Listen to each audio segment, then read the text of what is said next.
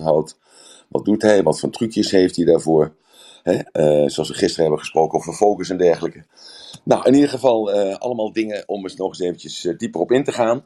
Ik wil, wil, eigenlijk niet meer zoveel praten over gisteren en eergisteren. Wat we besproken hebben, maar gewoon maar voor te gaan. En, maar goed, eerst even vragen, hoe was jullie avond? Wie is gisteravond nog in het café geweest? Nog lekker gedronken, een laatste avond. Laatste avondmaal. Klinkt zo, klinkt zo somber. avondmaal. Nou ik, ja, ik, was... heb wel een, een, heerlijk terrasje gepikt en uh, daarvan genoten. Dus uh, wat dat betreft. Uh... Ja. Ik, ik, las vanochtend in de krant. Ik dacht bij mezelf, ja, dat moet ik toch even zeggen als stage, state management. Hè? Dat vanochtend stond er in de krant: een vrouw overleden in België aan twee mutanten van het coronavirus. Ik denk, dat zal toch niet weer beginnen. En toen las ik even verder, er stond onderin stond bijna van, ja, ze is 90 jaar. Ja, toen dacht ik bij mezelf, moet dat op de voorpagina komen van de krant? Het was natuurlijk wel de Belgische krant. Maar uh, ik denk bij mezelf, ja, dat is nou echt weer een, een stage maker gewoon om ons weer uh, klaar te maken voor lockdown en ons weer op de, in de depressieve hoek uh, te, te plaatsen van belevenis.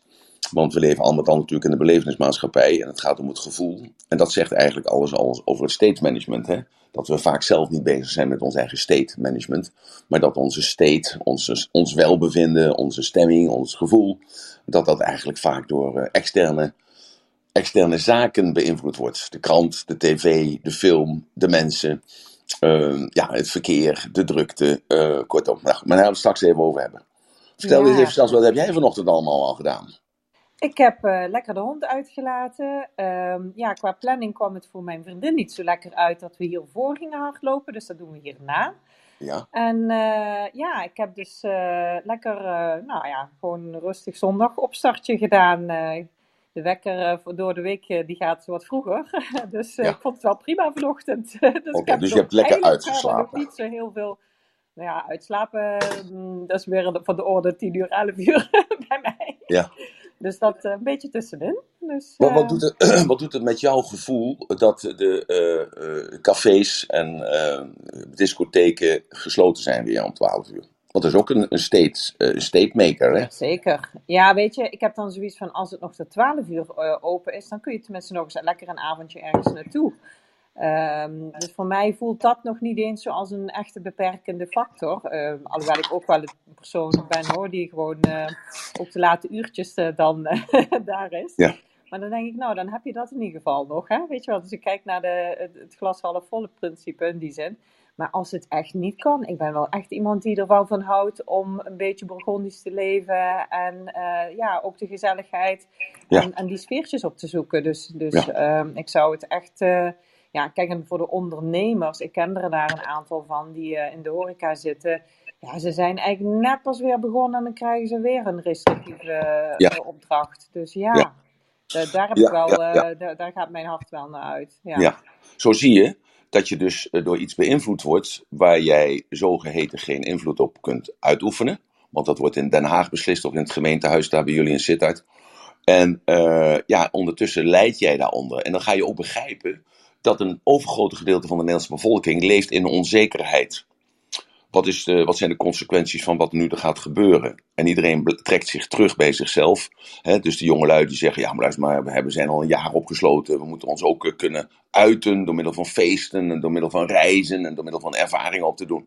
En de ouders die daar dicht op zitten, die zijn het daar natuurlijk roerend mee eens. En mensen die daar verder weg zijn, daar de kinderen al uh, nog niet naar school toe moeten, of de, de kinderen al lang van de universiteit af zijn, die denken bij zichzelf, ja nee, maar het is ook het belang van de ouderen. Het is het belang van de kinderen. Dus uh, laat de jeugd zich dan maar eens even opofferen voor ons. En wat is opofferen? Want in mijn tijd waren er nog niet eens zoveel cafés. En in mijn tijd gingen we niet eens op vakantie als we klaar waren met het uh, examen. Dus vergeleken bij onze tijd moeten ze helemaal niet klagen en moeten ze gewoon inbinden. Zo, dus daarom krijg je ook een soort tweestrijd uh, momenteel uh, in, de, in de hele gemeente. Hè, de gemeente Nederland maar als het ware. En ja, Machiavelli zei al verdeel en heers. Hè, en dan creëer je angst bij de ene partij. Je zet de partijen op tegen elkaar. En dan kun je daar dan dwingende maatregelen op treffen, waardoor uh, iedereen geknecht gaat worden. En dat past natuurlijk niet meer in deze tijd. Dus daar, daar wil ik eventjes toch wel even over zeggen hoe we daarnaar gegroeid zijn. Want ik zeg wel vaker, de illusie is de, of de, uh, hoe heet dat nou? Uh, de bestendigheid is de illusie van elk tijdperk. De bestendigheid is dus dat je denkt dat het altijd zo blijft zoals het nu is. Want je bent uiteindelijk met vallen en opstaan bij je op die plaats gekomen waar je nu bent. En dat projecteer je dan ook uh, om je omgeving. maar het is heel normaal voor ons om een mening te hebben. Het is heel normaal voor ons om die mening te uiten via Clubhouse of via internet of tijdens verjaardagspartij. Maar dat was helemaal niet zo vroeger.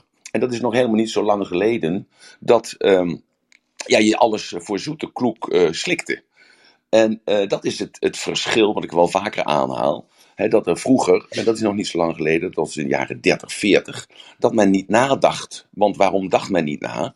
Er was geen tijd om na te denken. Want in het zweet u aanschijnt, zult u uw brood verdienen. Dat was geschreven en daar hield iedereen zich ook aan. En dus in de jaren 30, 40 uh, was er eigenlijk niets wat ons verbond, alleen maar de Bijbel. En de gang naar de kerk op de zaterdag of de zondag. De zondag was dat alleen. Ja, toen kwam dus de oorlog in 40, 45. Uh, ja, dat werd, het land werd verdeeld in, uh, in mensen die uh, kozen voor de Duitsers, die meewerkten met de Duitsers, en de mensen die in het verzet bleven, en de mensen die gelaten niets deden. Nou, de, de laatste groep was de grootste. Ik kan je zeggen dat dat ongeveer 90% is, misschien wel 92%, die helemaal niets deden. En er was een klein percentage, misschien 1%, als het al 1% was, die zich verzette tegen de bezetting. Die nadachten over de consequenties en dachten van hoe moet dat verder. En de resterende 9% die ging mee met datgene wat er was. Want ook die dachten van ja, bestendigheid is de illusie van elk tijdperk. Dus die moffen zijn er nu. Dus die zullen de rest wel blijven van mijn leven. Dus als we dan kijken eventjes gewoon maatschappelijk. Dan kijk je tot de 30, 30 jaren, 40 jaren. En mensen dachten niet na. Uh, mensen uh, hadden ook niet de gelegenheid om hoger onderwijs te volgen. Uh, dat was alleen maar de, de zoon van de notaris of de zoon van de advocaat. die bleef dus in datzelfde cirkeltje zitten. En wat er ook gebeurde, al werd er een, een plaats gekocht op de universiteit, hij moest studeren. Vrouwen waren heel weinig die studeerden, want die hadden nog steeds een taak in de huishouding. En toen in de jaren 60 kwamen de provo's. Misschien dat jullie je dat nog herinneren. of daar best wel over gelezen hebben. Dat waren de eerste mensen die bewust nadachten. Nou, die hadden de maagdenhuisbezetting. En Phil Blom, ik zie Phil Blom nog naakt staan met haar borsten. Daar op een of ander plein. Daar is ook nog een, een, een, standbeeld voor onthuld. Maar dat waren de eerste zelfstandige denkers. Die kwamen met een witte fietsenplan. Die kwamen dus dat de auto's weg moesten uit Amsterdam. Die waren heel revolutionair. En die kregen van bovenaf, dus van de regering, van de partijen die de macht hadden. Nou, die werden dus te vuur en te zwaard bestreden. Want uh, Roel van Duin, een van de, de voorvechters, ja, die loopt nog steeds met zijn lange haren. En uh, ja, die voelt zich nog steeds tekort gedaan dat hij toen de tijd geen gelijk gekregen heeft. Hoewel hij wel zaadjes heeft geplant in heel veel, ja, bijna wel iedereen die toen de tijd in de jaren 60 al een beetje na kon denken. Toen in de jaren 70 uh, kreeg men langzamerhand het besef over het milieu. En in de jaren 80 was er weer geen tijd voor, want toen hadden we de economische crisis. En toen hadden we weer het uitzicht naar het nieuwe millennium, dus naar het jaar 2000. Wat zou er allemaal gaan veranderen, het nieuwe millennium? Het verhaal van Orwell was al voorbij. 1984 was geen waarheid geworden, dus waar hebben we het over? We kijken uit naar iets nieuws, naar het nieuwe millennium. Tegelijkertijd waren er ook weer heel veel mensen die zeiden, moet luisteren, we zijn helemaal afhankelijk van computers geworden, dus we moeten oppassen. Die computers die, die stoppen ermee, die zijn niet geprogrammeerd om van de getallen 1999 naar 2000 te gaan. Dus de hele maatschappij zal collapsen. Ik herinner me nog dat meneer Jan Timmer werd aangesteld door de overheid om ervoor te zorgen dat de millennium bug niet naar buiten zou kunnen komen. Nou, Jan Timmer heeft uh, of zijn werk goed gedaan, of uh, er was helemaal geen probleem. In ieder geval, iedereen haalde opgelucht adem op 1 januari 2000 dat het uh, allemaal doorliep. En ja, heel grappig. Ik kan me dat nog heel goed herinneren inderdaad. Dat er echt heel veel mensen ook echt zoiets hadden. Ja, een aantal jaren later hebben we dat ook gehad hè. Ja. Dat volgens de Maya-kalender ook uh, ja. het einde der tijdperk was, was aangegeven. Ja. ja. En misschien weet je nog in 1972 de autoloze zondag. Hè? Dat was dus het milieubesef. Daarom zeg ik nou, dat was ik zo klein, dat heb ik niet herinnerd. ja. Zijn er geen foto's van jou gemaakt dan op de snelweg? nou, ja. hoogst, hoogstens in de baby. Uh... ja, ja, ja, ja. Zo, dus toen kwam dat besef al van bovenaf aan, uh, meneer Den ik hoor hem nog uh, roepen. En we gaan de autoloze zondag doen. En dan mocht er niet gereden werden, want dan uh, besparen we in ieder geval zoveel benzine. En tegelijkertijd ook de oliecrisis, daar moeten we natuurlijk even niet bij vergeten. En dan CO2 was nog niet zo'n gehyped merk. Maar in ieder geval, we wisten wel dat ouders niet zo gezond waren.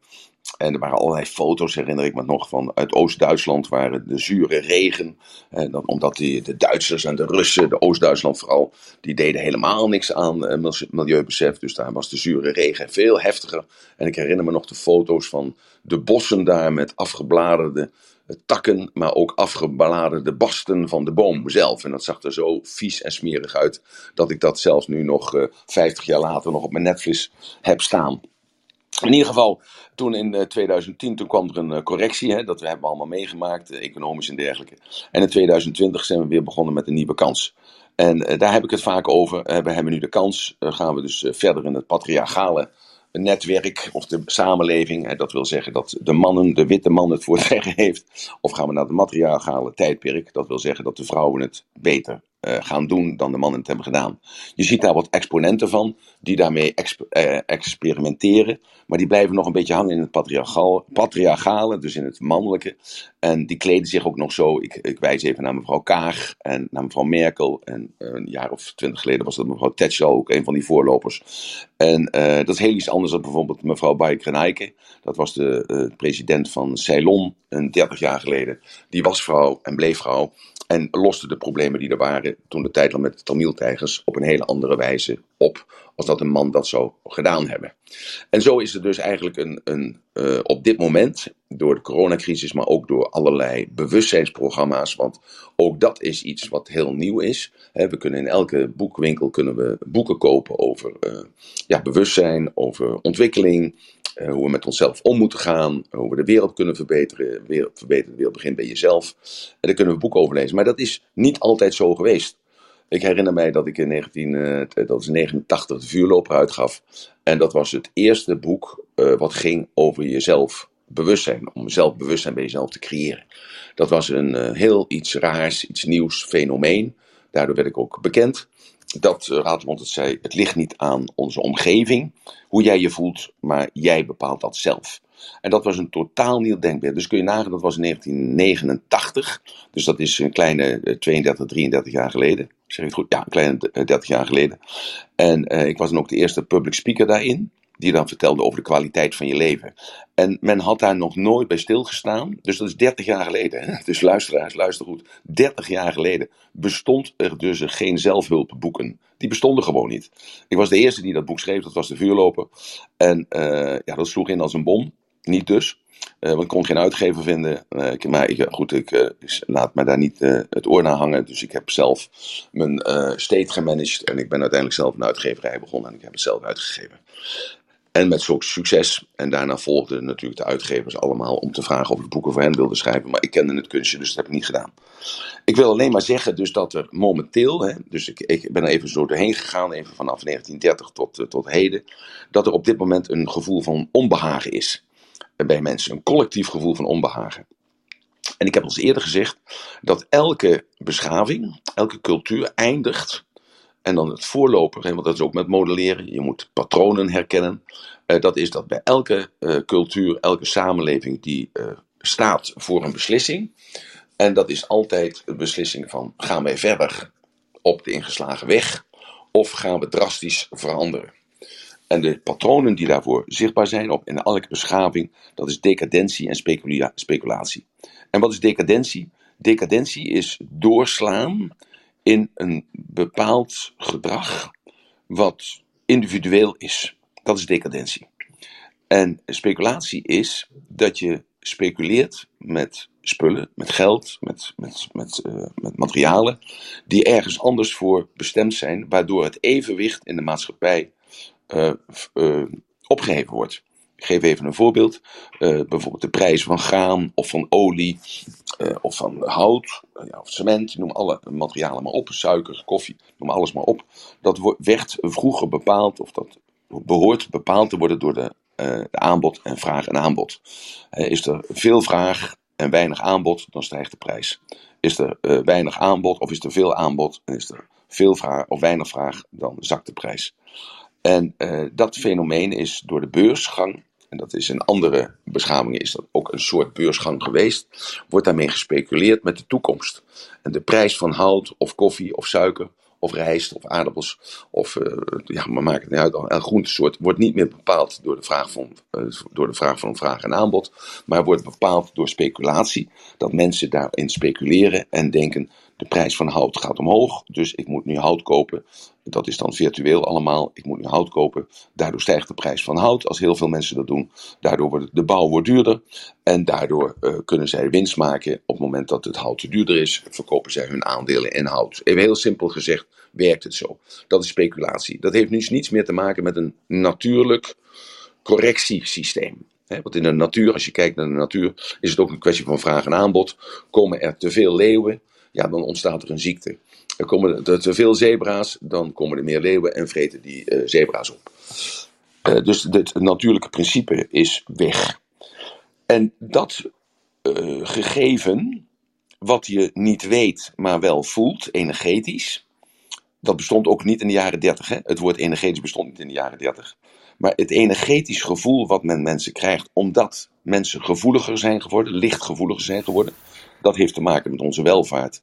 En dat heeft te maken met uh, de medicijnen. En dat heeft te maken met allerlei nieuwe uitvindingen, de bijwerkingen ook onder andere van de medicijnen.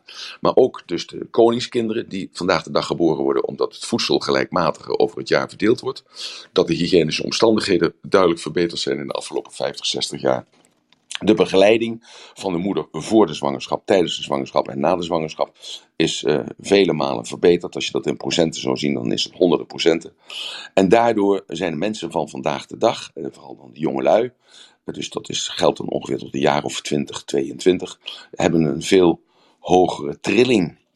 En horen dan ook veel meer en voelen dan ook veel meer dan de generaties die daaronder zitten. Dat is ook iets wat ook afketst naar andere groepen van oudere mensen. Want die oudere mensen, daar waren natuurlijk ook heel veel mensen bij die dat gevoel hadden, maar niet voor dat gevoel uit konden komen of durfden te komen. En dat zie je dus dat dat aan momenteel aan het gebeuren is. En dat zijn de mensen waar we ons op moeten richten, want dat zijn de mensen met een hoog trillingsniveau, met een hogere frequentie, zoals we dat dan snel noemen. En deze mensen zijn in staat om, zo direct als die keuze gemaakt wordt, en dat is niet de keuze van de ene dag op de andere dag, dat is de keuze van kiezen wij voor het collectief of het individu. En als je die bril op ziet, dan zie je dus ook bijvoorbeeld dat uh, de belastingen worden geheven zo direct bij multinationals. Dat zal ervoor zorgen dat de multinationals afgebroken worden weer in kleine winkeltjes, in kleine, in bedrijven. Dus de centralisatie is voorbij. Uh, de globalisering zal teruggetrokken worden, uh, omdat het geen enkele nut meer heeft om je bedrijf in Ierland te vestigen, daar je patenten te registreren. En daar, omdat de belasting daar 12% is en daar dan elke, elk land wat een belastingdruk heeft van 50%. Uh, dan een hele hoge rekening te sturen voor de octrooirechten, of voor de gebruiksrechten, of voor de franchiserechten. Dus dat is allemaal kunstmatig in elkaar gezet om uh, belasting te voorkomen, omdat er natuurlijk ook een soort ongenoeg is bij ondernemers. En ook bij werknemers, dus ook de, de gewone man, dat men denkt, ja, is er nog een verhouding tussen de arbeid die ik verricht en de belasting die ik moet betalen. In de Bijbel staat 10%, geef des keizers wat des keizers toekomt, maar het is al lang geen 10% meer. Het is ongeveer, als je het berekent, al met al, met je uitgaven ligt het tussen de, tussen de 55 en de 70% wat je betaalt. Dus daar komt ook een ongenoegen voort. En, zo. en dat ongenoegen wat er is, uh, daarvoor moeten we ons state management uh, goed op orde houden. Uh, want je ziet ook om je heen dat er veel uitwassen zijn. En dat is die decadentie. dus je ziet uh, bijvoorbeeld, nou komt die discussie weer omhoog met Peter R. de Vries. Van ja, wie moeten we nu eigenlijk vervolgen? Wie is nou eigenlijk de dader? Is nou uh, de, de, de, dief van de, uh, van de fiets, is dat nou de dader? Of is de heler, dus de koper van de fiets, de dader? Nou, dat inzicht hebben we gekregen in de jaren 70. Maar dat zijn we weer vergeten, omdat dat politiek natuurlijk niet te verkopen valt. En uh, ja, we richten ons dan op de grote misdadigers. Maar de grote misdadigers kunnen alleen maar bestaan bij de gratie van uh, de individu die een grammetje kook koopt in de week.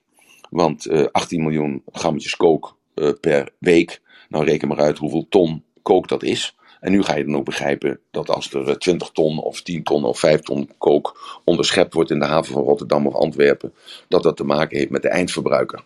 Zo, dus dat is ook state management. Dus mensen die niet meer weten wat ze moeten doen, Eh, want eh, vroeger was het, eh, ja, ik zou graag op vakantie willen. Nou, dan eindelijk kwam er dan vakantie in de jaren 50. Toen ging men naar Valkenburg en naar Otterlo, naar Hoenderlo. Men ging misschien nog naar Giethoorn. En men ging naar Volendam. Daarna ging men naar Duitsland, want dat was beter en dat was leuker en dat was spannender. Daarna ging men naar Spanje, toen naar Italië, toen naar Noord-Afrika, toen naar Zuid-Afrika, de Canarische eilanden. En dat werd gepopulariseerd. En we zijn nu in het stadium gekomen dat we eigenlijk allemaal achter zijn gekomen dat, uh, dat het hoe verder, hoe beter niet opgaat. Want het is eigenlijk allemaal hetzelfde. En dat is de mooie vergelijking dat mensen naar uh, bijvoorbeeld 24 uur vliegen. Omdat ze dan een, een inboorling zien staan op één been. Anderhalf uur met een visnet in zijn hand en een harpioen in zijn andere hand. En die zien hem daar staan een uur, anderhalf uur. En die man die straalt die rust uit. En die straalt die gefocustheid uit om die ene vis die voorbij komt dat hij die aan zijn speer kan rijgen. in kan Mag pakken. ik zeggen, Emiel? Uh, ja. Jeroen, uh, heel even ja. een momentje. Um, ja, nee, maar heel fijn. Maar de, de, Emiel, de, we kennen elkaar. Uh, Jeroen, mag ik heel eventjes? Ja, natuurlijk. Um, ik, ja, ik denk dat uh, Emiel een hele fijne uh, bandbreedte heeft geschapen in welke tijd dat wij nu zitten. Is die? Waardoor ook uh, het belang van state management, wat we vandaag bespreken, ook neergezet wordt. Ik wil even heel praktisch zeggen: deze room wordt opgenomen. Dus zodra dat je op het podium komt, is het handig dat je daar bewust van bent. Um, je kunt sowieso in het algemene um, je vragen en, en, opmerkingen sturen naar clubhouse.ratelband.com. En uh, we zullen elke um, ochtend om 9 uur aanwezig zijn uh, in juli en augustus. Dus als je zin hebt om mee te doen, dan uh, weet je dat voor de room. En wij gaan dus verder vandaag op state management. En ja, dat heel even als wat praktische zaken voor de setting van vandaag. En ja, Jeroen, welke vraag had je? Want we, vinden het wel super tof uh, dat je naar boven komt om met ons interactie in te gaan. Ja, fijn. Uh, ik heb, ik heb uh, Emiel ontmoet bij Tony, Tony Tetro. En ja, dat, ik kan niet van Emiel verwachten dat hij mij herinnert. Ik, heb, ik, ik herinner Emiel wel. maar ja, zo werkt dat, toch? Dat, nou nee, dat weet je natuurlijk niet. Dat is een Nee, naam. dat weet ik inderdaad. Nee, wanneer, wanneer hebben we elkaar ontmoet? Was dat een jaar geleden bij... Nee, langer geleden. Uh, Waar dan? In Rotterdam, bij Tony Tetro. En toen had ik die grote strik op. Ja, ik Ja. ook. Ik, ik, had die, ik had die gouden strik en jij de... Ja. Nee, ik had de rode en jij de gouden strik misschien. Ja, ja, ja, ja. oké. We hebben elkaar ontmoet eh, op, de, op het balkon. Ja, Ja, dat Ja. weet ik nog. Ja, nee, is goed. Nou, Oké. fijn. Sorry voor mijn aanname. Ja. Ehm, en, en, en mooi wat je aanhaalt. Ehm, ook over vakanties en dat soort dingen. Ehm, maar dat, dat mag ik voorzichtig eh, de, de, in deze groep aanhalen. Dat, dat er wel iets gebeurd is met, met Nederland. Als je het hebt over vakanties, zeg maar. Dus de, vroeger gingen we naar Frankrijk. Ik met mijn ouders ging naar Frankrijk op vakantie. Maar als je, als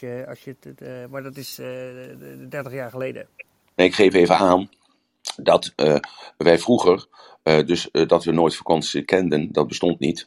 Dat we naar Otterlo gingen of Hoenderlo gingen, dat was fantastisch. Ja, maar hoe knus, Maar, weet ja. je wel? Ja. Ja, en da- daarna gingen we naar Duitsland. Eh, of naar Valkenburg en toen naar Spanje. En want we dachten hoe verder hoe beter. En ik wil alleen eh, schetsen, want dat gaat natuurlijk niet voor iedereen op, maar wel voor de, voor de norm eigenlijk als het ware. Dat je dus eh, dat niet vond in Spanje wat je zocht en uiteindelijk ook niet vond in Zuid-Afrika.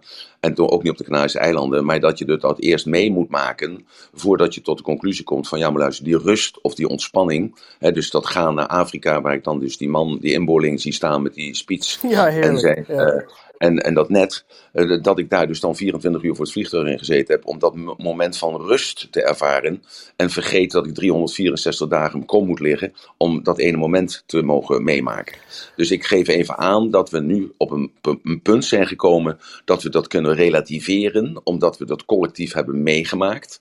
En omdat we dat collectief hebben meegemaakt, kunnen we nu in onszelf zoeken. Dat is een beetje de strekking van het verhaal wat het had moeten zijn, maar daar ben je, ben je in, ingebroken. En het is niet alleen stage, state management, maar eh, wat, eh wat SAS doet is stage management. Hè? Dus zij doet management van de stage en zorgt ervoor dat er een vrije, een, een veilige omgeving voor mij is. Dat ik mijn verhaal af kan maken en daarna zijn alle vragen welkom. Maar dus, ehm, ik heb hem afgemaakt, dus zeg het maar. Wat, wat wil je zeggen, Kiel? Nee, ik wil je alles behalve onderbreken. maar, maar, als je kijkt zeg maar, naar, naar, naar waar we zijn als, als, als, als Nederlanders en als, als land, juist. Als land, ja. Mhm. dan is er wel iets aan de hand. Nee, maar dat, dat benoem ik. Het is niet eh, meer de, de, zoals zeg maar twintig jaar geleden met mijn ouders naar Frankrijk. Uh, ja, maar daarom benoem ik een collectief gevoel van onbehagen, heb ik benoemd. Dankjewel. Nee, maar heel fijn. Maar dat, dat, dat, dat ik ben ook even op zoek dat, uh, naar... naar, naar, naar ja, maar heb je dat gehoord dat ik dat gezegd heb?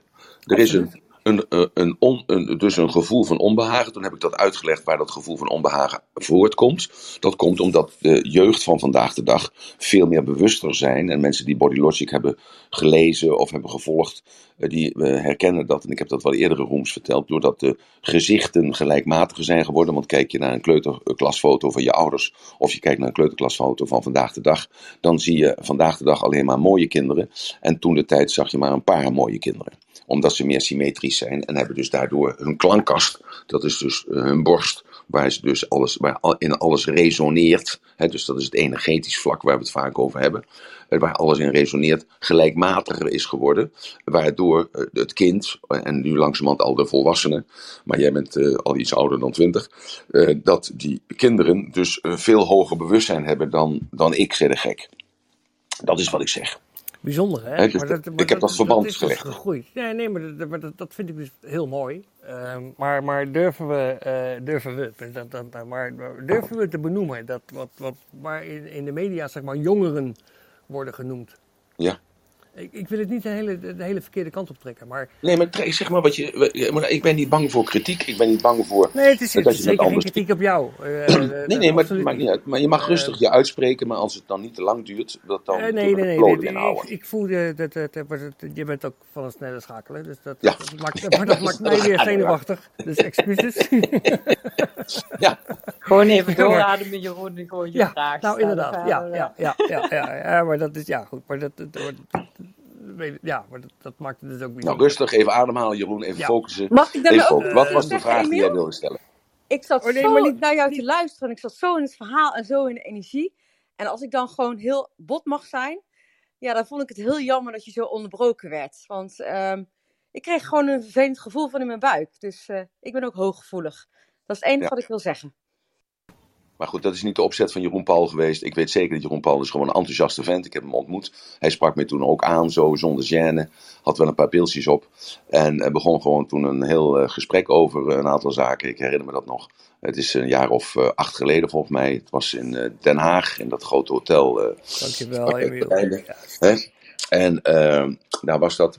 En uh, dus ik, uh, ik begrijp die enthousiasme en ook, daar moet ook ruimte voor zijn, heel af en toe, om uh, enthousiastelingen, want die maken dan de smeu in de maatschappij, dat die dan eventjes kunnen vertellen. Dus Jeroen, intussen heb jij adem kunnen halen en dan kun je je vraag stellen, of je toevoeging, of je aanvulling, of wat dan ook. Ja, ik krijg wel een soort uh, stage uh, fight, uh, hoe zeg je dat? Een soort plankenkoord, wat de druk wordt alleen maar hoger. Marjolein, dankjewel. no worries. misschien heb je een punt, maar... ja, dankjewel. Daar ben ik heel blij mee. Aan de andere kant, ja... de, de, de, druk wordt alleen maar hoger, maar dat zei ik al. Ja, zo goed. dat de druk hoger is, presteer je ook beter, kerel. Dat is het. Kunnen we kunnen we benoemen wat, wat, waar, waar dus nu continu wordt, wordt, wordt gementiond, zeg maar, jongeren en dingen. Ja. En, en, en, kunnen we, de, de, mogen we wel uitspreken dat, dat, dat Nederland niet meer helemaal Nederland is zoals Gelukkig. het Gelukkig. Kijk zelf in de spiegel. En als je zelf in de spiegel kijkt en je trekt er een foto bij van uh, tien jaar geleden, dan denk ik, Jeroen, dat jij dan een knappere kerel in de spiegel ziet als dat, dat, dat je tien jaar geleden was. Ondanks dat je tien jaar ouder bent geworden. Nou, dus kijk, ik, ik, dacht toen, wat staat er een sukkel? En, en, en, en als ik nu terugkijk naar tien jaar geleden, dan denk ik, oh, wat een knappe vent. Ja, is dat zo? Nou, ik eh, denk het niet dat dat zo is als je zelf in de spiegel kijkt, want je bent samen met jezelf ouder geworden. Als iemand jou tien jaar niet gezien heeft, die kan zou kunnen denken van Jeroen is nou een keel geworden. Maar jij bent gewend aan hetgene zoals je nu bent, dat je je haar anders hebt, hoewel je wel een beetje een soort koorbal bent. Maar eh, je bent toch een klein beetje veranderd. Je hebt toch een, een beetje een, meer zo die lachrimpeltjes om je oogjes gekregen.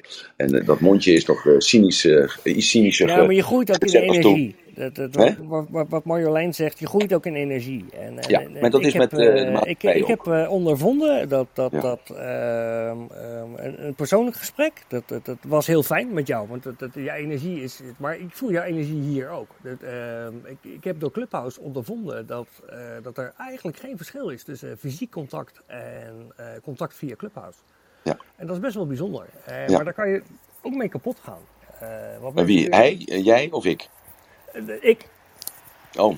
Nou ja, dat is spreek, nee, maar dat, dat, dat, mensen kunnen je ook kapot maken, zeg maar. Op, op ja, maar oké, okay, maar dat uh, is altijd zo, dus dat maakt niet uit. Uh, ik ben gewend om mijn kop boven het maaiveld uit te steken. Ik heb als klein jongen... Heb ja, ik respect voor jou. Nee, maar dat, heb ik toen ook al tegen je gezegd. Gelukkig, ja, maar ik hoef geen respect te hebben. Uh, kijk, ik heb geleerd van datgene als kind zijnde dat ik gediscrimineerd werd en in elkaar geslagen werd. Althans, dat probeerde men. De eerste keer lukte dat, de tweede keer lukte dat niet. Toen was ik voorbereid. En ehm, ja, dan, dan leer je dus gewoon om voor jezelf op te komen. Dus daarom zeg ik vaak, de vloek van vandaag is de, is de oorzaak van de grootste zegen die op je afkomt. En daarom zijn er heel veel mensen toch ook in de room. En ik hoor heel vaak die bevestiging van, uh, ik, ik heb gisteren Joy nog even aangehaald. En in is daar ook een voorbeeld van. Uh, deze mensen voelen zich niet gediscrimineerd. Die lopen niet, uh, ja, die staan er wel even bij stil. Maar die maken daar niet een levensmotto van. Van dat zij anders zijn. Want ze zijn niet anders, maar ze zijn ook mens. En ik denk dat, dat als je daarop doelt dat onze maatschappij anders is dan tien jaar geleden. Dan zou ik zeggen, van, wees daar blij om. Want als het hetzelfde zou zijn geweest als tien jaar geleden, dan uh, was het niet een levend organisme wat bestond uit 18 miljoen mensen. Dus en of je dan het, kwaliteit, uh, het uh, kwaliteitsetiket erop plukt van het is slechter geworden of het is beter geworden, dat is maar net een kwestie van welke kant je dat gaat bekijken. Maar mogen we benoemen? Ja, noem, ben, jij mag altijd alles benoemen. Bij nee, mij mag we, we, we, we, we, we, als in, in de... Je spreekt voor jezelf. Je spreekt ja, niet voor mij. Ja, mag ik je spreekt niet voor mij. Jij nee, mag nee benoemen. dat is heel ja. lastig inderdaad. Maar nee, niet lastig. Nee, even duidelijk zijn. Jij spreekt voor jezelf. Ja. ja nou, mooi. benoem maar. Ja, ja, Benoem maar. ja, ja, nou ja zo, zo ken ik je. Ja, dat, dat, keihard nadenken ook weer. Maar mag ik het benoemen? keihard Ja, ik, ik sta weer in die hoek. Dat, je hebt gelijk. Dat was Je staat niet in die hoek. Je staat midden op het podium, kerel. Helemaal alleen. Ja, Marjolein ja. zegt niks, Sas zegt niks, ik zeg niks. Ik begeleid jou, ik heb jou nou de microfoon gegeven. Ik moet terugdenken even aan Ali, dat seminar van april. Hij kreeg die microfoon en was ook niet gewend om die microfoon. En het ging wonderbaarlijk heel erg goed met Ali. Nou, nou jij. Dus jij bent de nieuwe Ali, Jeroen. Alleen nu voor eh, meer mensen en alleen verbaal te horen. Ga je gang, je staat midden op het podium, je hebt alle attentie. Met de microfoon in de hand. Ma- Mag ik benoemen dat ik een verandering zie waar ik me eh, zorgen over maak? En wat is die verandering? Zodat ik dat in, Ehm. misschien tegen jou kan zeggen, je hebt gelijk, vanuit mijn perspectief. Of misschien kan ik daar een ander kader omheen zetten, zodat jij daar op een andere wijze, misschien iets genuanceerdere wijze naar kunt kijken, waardoor jij misschien geruster wordt. Want we hebben het over state management. En state management wil ook zeggen dat je door drie dingen, dat die interne representatie, de focus of je lichaamsgebruik, dat je op een andere wijze naar jezelf, CQ naar de zaken kunnen, ko- kunnen kijken en horen en voelen en proeven en eh, ruiken, eh, als dat je gewend bent. Eh, zodat je dus een ander gevoel krijgt over de situatie, CQ over jezelf, want het gevoel ligt bij jou. Eens, ben ik met je eens. Ehm, maar eigenlijk- wat je al aanhaalt, de, de, de, onze jeugd, Ja. wat dat betreft, is niet anders geweest. Zeg maar. Eh, de bullying, eh, pesten, de, de, de kleineren, de, de, de, de pressure, daardoor onzeker. Ehm, maar wel door een, eh, door, een de, de, de, door de, de, de, niet door Jan en Kees. ik Mag hoor je, dat, mag je dat benoemen? Je mag zeggen, ni- niet Jan of Kees, eh, want jij wil er een andere naam bij noemen, wat gelijk een beeld vormt. Want bij de naam Jan en Kees denk je aan een frisse Hollandse kop, hè, met eh, blond haar. En denk je aan een, ja, een gozer die in de, met de klompen in de klei staat. Zo, dat is het eigenlijk. En ja, daar heb je natuurlijk iets te pakken. Wat eh, best een soort ongenoegen eh, creëert. Waarom? Ik kan me voorstellen dat iemand die eh, net getrouwd zijn of van plan zijn om te trouwen, die komen op een lijst te staan en die moeten 12 tot 18 jaar wachten op een woning. Terwijl er dus mensen die uit een ander land gevlucht zijn, migranten, die komen hier en die krijgen na zes weken krijgen die een huis.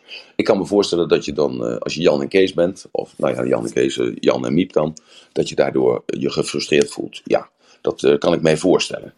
Eh, dat is één. 700 per week, hè? Uh, ik heb het niet geteld. Volgens mij, uh, volgens mij zijn het. Ongeveer, wilde schatting. Ja, Kijk, er moet natuurlijk ook een soort balans zijn, maar dat is een politieke beslissing geweest. En die politieke beslissing, en dat zal elk Kamerlid jou zeggen, en elke regering zal het ook zeggen, wij hebben zelf de regering gekozen. En de regering doet dus datgene wat wij van hen verwachten. Tegelijkertijd weten wij natuurlijk ook dat dat niet zo werkt.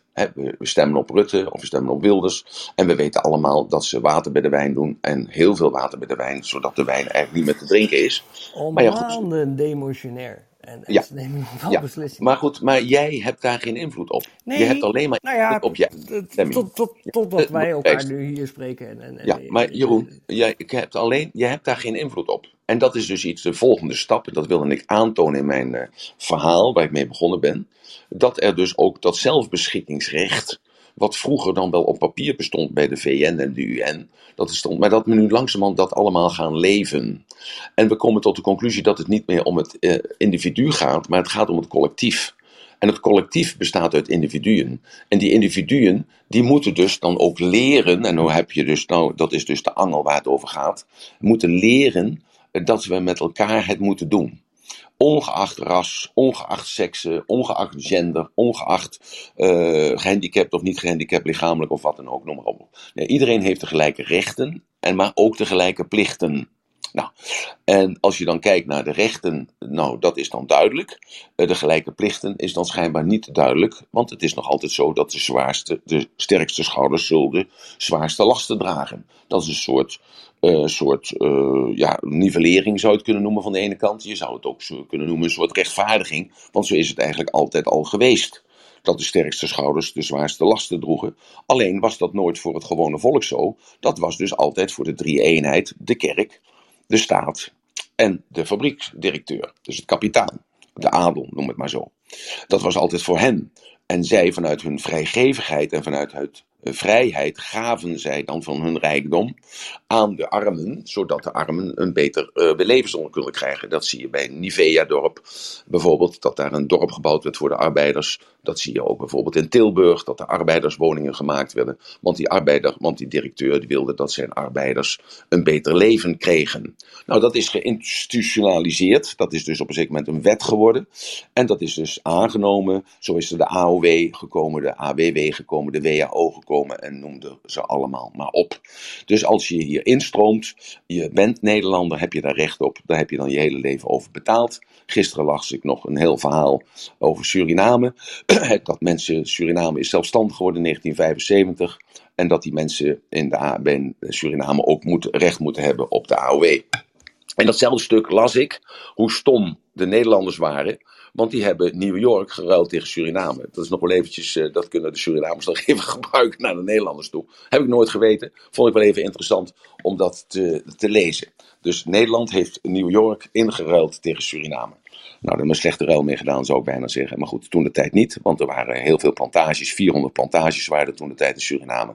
En die zorgden voor uh, allerlei lekkere dingen die dan goedkoop naar Nederland konden komen. Waardoor wij als land konden opstomen in de vaart der volkeren. Nou, en wat jij nou bedoelt is dat er uh, zoveel mensen komen in de week, of dat er nou 700 zijn, of zijn er 1000 of 10.000, maakt allemaal niet uit. Dat is een politieke beslissing, daar kun jij niks aan doen. Daar kun jij geen invloed op uitoefenen. Het enige wat je kunt doen is, hoe ga ik er zelf mee om? Dat is, dat is de meest belangrijke vraag. Hoe ga ik er zelf mee om? Blijf ik mij irriteren aan het feit dat? En zie ik allemaal bevestigingen om mij heen dat het een grote klotenzooi is, daardoor? Of kijk ik ernaar op een andere manier en kijk ik naar de geschiedenis en kijk ik naar de Indonesische mensen, de Molukse mensen die in de jaren 50 hier naartoe kwamen en met open armen werden ontvangen.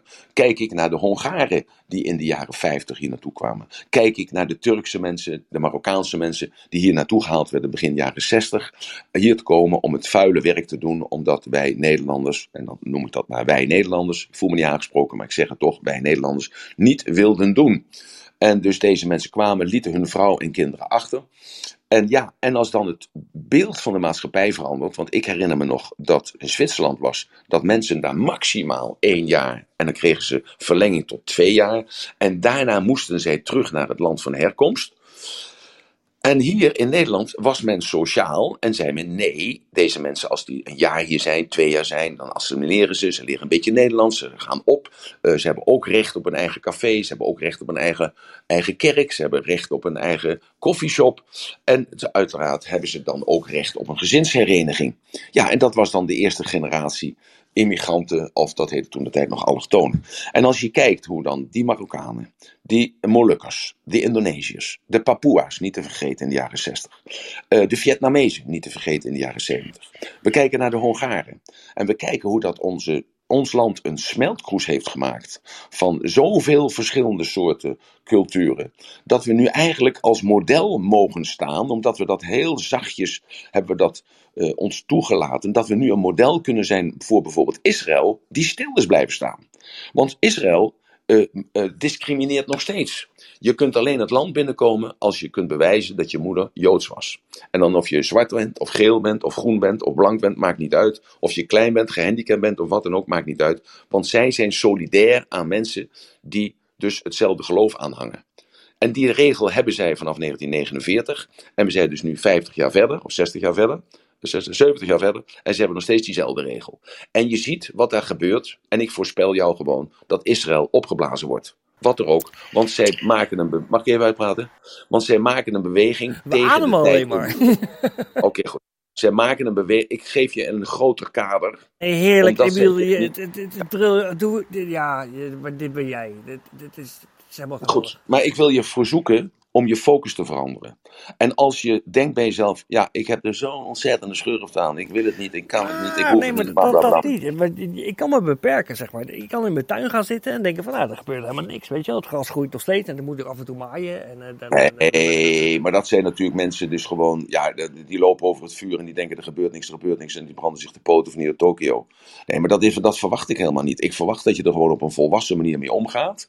Er is een status quo, je moet 100 kilometer rijden en iedereen houdt zich aan die 100 kilometer. Dat jij en ik heel af en toe toch nog even gas indrukken gewoon, maar wel in de gaten wel een stinger hebben, hè, dat, dat we niet gepakt worden en dan af en toe 220 kilometer Emiel, rijden. maar wil je zeggen van, laat het, laat het, laat het los, laat het gebeuren, maak je niet Het druk? zijn groeistuipen. Het zijn groeistuipen. We zitten in een transitofase. Als je er vaker in de room bent, nieuws. hoor je mij daar vaker over praten. Nee, dat weet ik. Maar Ik, ik, ik volg je en ik, ik heb je boeken ook gelezen. Maar, de- maar als je dus kijkt ook naar, naar, het, het feit dat Erdogan zeg maar, de, de herkozen is.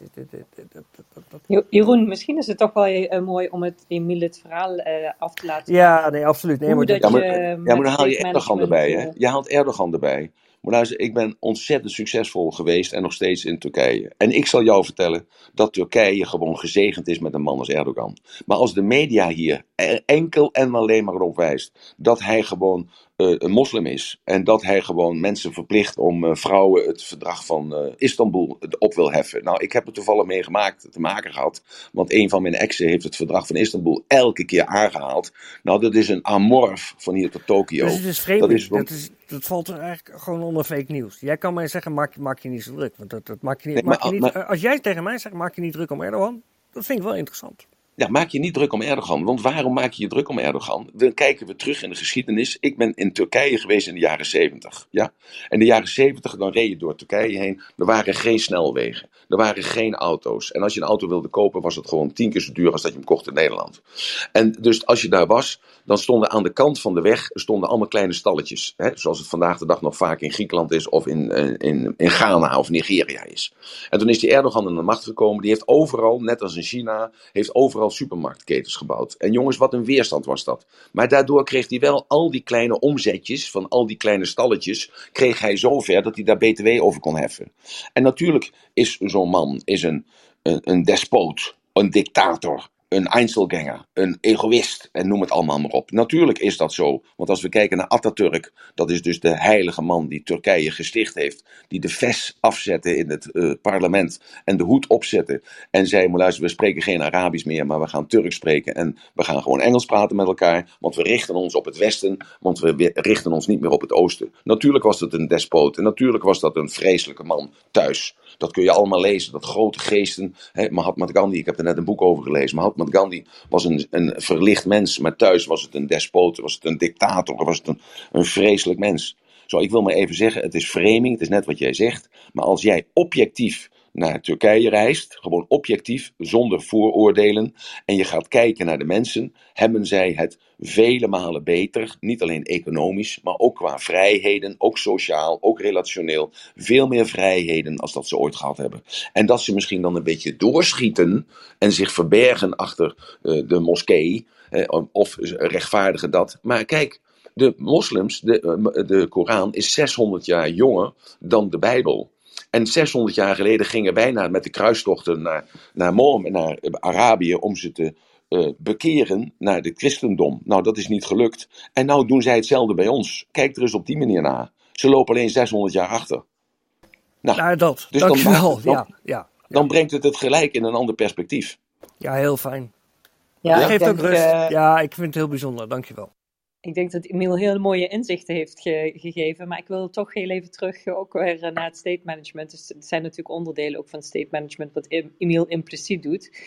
Um, we wilden heel graag, uh, we hadden, zo hadden we dat gisteren ook met ons uh, afgesproken, dat we vandaag richting, uh, naar, naar de kadering van state management voor je kan doen en focus, hm. naar de interne representatie en de fysieke kanten van gaan. Dus misschien dat je dat bruggetje van daaruit zou kunnen maken, Emiel.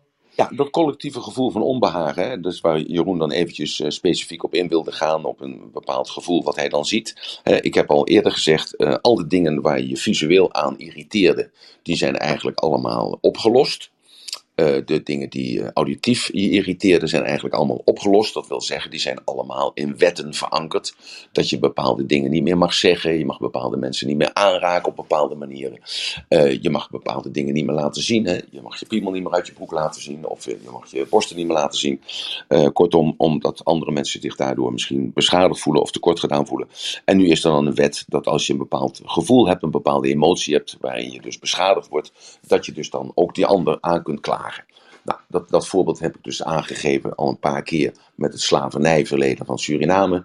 Dat er een meneer is geweest die heeft gezegd: Nou, maar luister, jullie hebben nu je excuus aangeboden. Nu moet je alleen nog 53 miljard betalen en dan staan we kiet. Ja, ja daar kun je het. ja, nee, ja, je, ik weet niet wie er lacht, maar... Nee, uh, ik lach niet, maar dat, dat, dat, hele slavernij gebeuren, uh, dat, dat, is toch wel een ding, toch? Ik bedoel, dat, dat, ja, dat, is helemaal... kunnen we weer leggen, toch? Ja, maar voor mij is dat helemaal geen ding, want ik heb daar helemaal geen gevoel bij. Maar ik kan me wel voorstellen dat er mensen zijn die dus in het verleden leven, en dat is dus de transitofase waar we in zitten, die in het verleden leven en zeggen, eerst moet dat opgelost worden. En als je goed luistert naar mij, gisteren, nee, eh, drie dagen geleden werd die vraag nog aan mij gesteld, hè, van hoe denk ik dan om dus de psychoanalyse, hè, dat je dus op de bank gaat liggen en dat je gaat graven in de ellende van vroeger. Uh, weet je nog wat ik daarop zei? Laat het los. Nee, ik heb gezegd, gezegd hoe dieper je gaat graven, hoe harder het gaat stinken. Dus wij laten ons leiden door emoties van gisteren. Want wat we gisteren hebben geëtiketteerd als pijn of gisteren hebben geëtiketteerd als plezier, dat bepaalt ons gedrag vandaag. Dat is onze gewoonte en onze gewoonte wordt verankerd tot ons karakter en dat bepaalt ons noodlot. Als die mensen nog niet zo ver zijn om dus te zeggen van eerst moet dit verwerkt worden, wat niet meer past in dit tijdperk eigenlijk, maar in hun tijdperk wel dan moeten zij aan zichzelf werken. Want wij zijn nu allemaal al zover, en dat is hetgene wat ik elke keer verkoop hier op deze site. Je hoeft er geen stuiver voor te betalen, maar ik noem het toch verkopen. Ik verkoop hier elke dag weer dat je dus gefocust moet zijn op de doelen van morgen. En de doelen van morgen geven jou een gevoel van pijn of plezier. En dat gevoel van pijn zorgt ervoor dat je die fouten niet maakt. En dat gevoel van plezier zorgt ervoor dat je gepassioneerd bent op weg te gaan naar morgen. Dat is het verschil van insteek. En mijn insteek is een nieuwe insteek. Dat is een insteek die pas 30 jaar oud, jong is, want dat gaat namelijk het boek De Vuurloper. Hoor, ik wil even eindigen. Ik, maar dat, dat, is, dat, dat maar dat is zo mooi. Jeroen, Jeroen wil je heel even mijn, mijn, vader vond het nog verhaal laten oh, oh, afmaken? Want ja. Nee, is, ja, het is iets proberen uit te leggen. En dat is Sascha, lastig je bent, echt, je, bent, je bent echt de koning voor... Ik, ik ga mijn mond houden. Dankjewel. Maar ik begrijp heel goed, Jeroen. Je, emotioneel zit je erin. Dus nou ja, emotioneel. Dat, dat, dat, het enige wat ik heel even snel nog wil zeggen. Ik bedoel, 40 jaar geleden. Mijn vader vond het lastig dat mijn moeder nog ging werken. ja, nou ja, goed. Nou, toen zijn we er toch. Dus, en mijn moeder werd voor gek verklaard dat ze werkte Dankjewel, Emiel. Dat ja. dus, juist. Dus ik weet dat. Ik weet nog dat mijn moeder een bondje nog maar zo kort toch. Juist. Maar dus de snelheid waarmee wij veranderen is zo snel dat heel veel mensen afhaken. En blijven dus hangen in het verleden. En ik wil terug even naar datgene wat je zegt. Want er zijn heel veel mensen die zich daar heel veel zorgen over maken. Dat we die 53 miljard moeten overmaken naar Suriname. Hè? Dan, uh, dan moet je dus in, in dat licht zien. Dat zij zijn nog niet zo ver. En als zij dus doelen hebben en dromen hebben en weten dat ze die doelen en die dromen, dat ze die ook kunnen bereiken. En gelukkig komen er steeds meer mensen, niet alleen uit Suriname, maar ook uit Marokko en uit Turkije en Vietnam en het Molukken en uit Indonesië. Die leven het leven van hun dromen. En dat zijn de voorbeelden voor de positief ingestelde mensen. En zij weten dus van oké, ik moet me dus richten op morgen en niet blijven richten op gisteren. Want hoe meer ik graaf in gisteren, hoe harder het gaat stinken. En dat is de metafoor eigenlijk voor datgene wat ik elke dag vertel. Ik doe dit zeven dagen in de week. Ik 146ste keer is dit geloof ik vandaag. Ik weet het niet. Ik, ga, ik tel het ook heel Bijna vermoeiend. Nee, nee, nee. Maar... Wat, vermoeiend? nee, vermoeiend? nee, ja, maar heerlijk. Jij kent geen vermoeidheid. nee, ik ken, ik ken geen Weet je waarom ik geen vermoeidheid ken? Omdat ik ga voor een betere samenleving. Ja, maar ik heel ga, fijn. Ik ga voor mensen die inzicht krijgen zoals jij nu inzicht krijgt, Jeroen.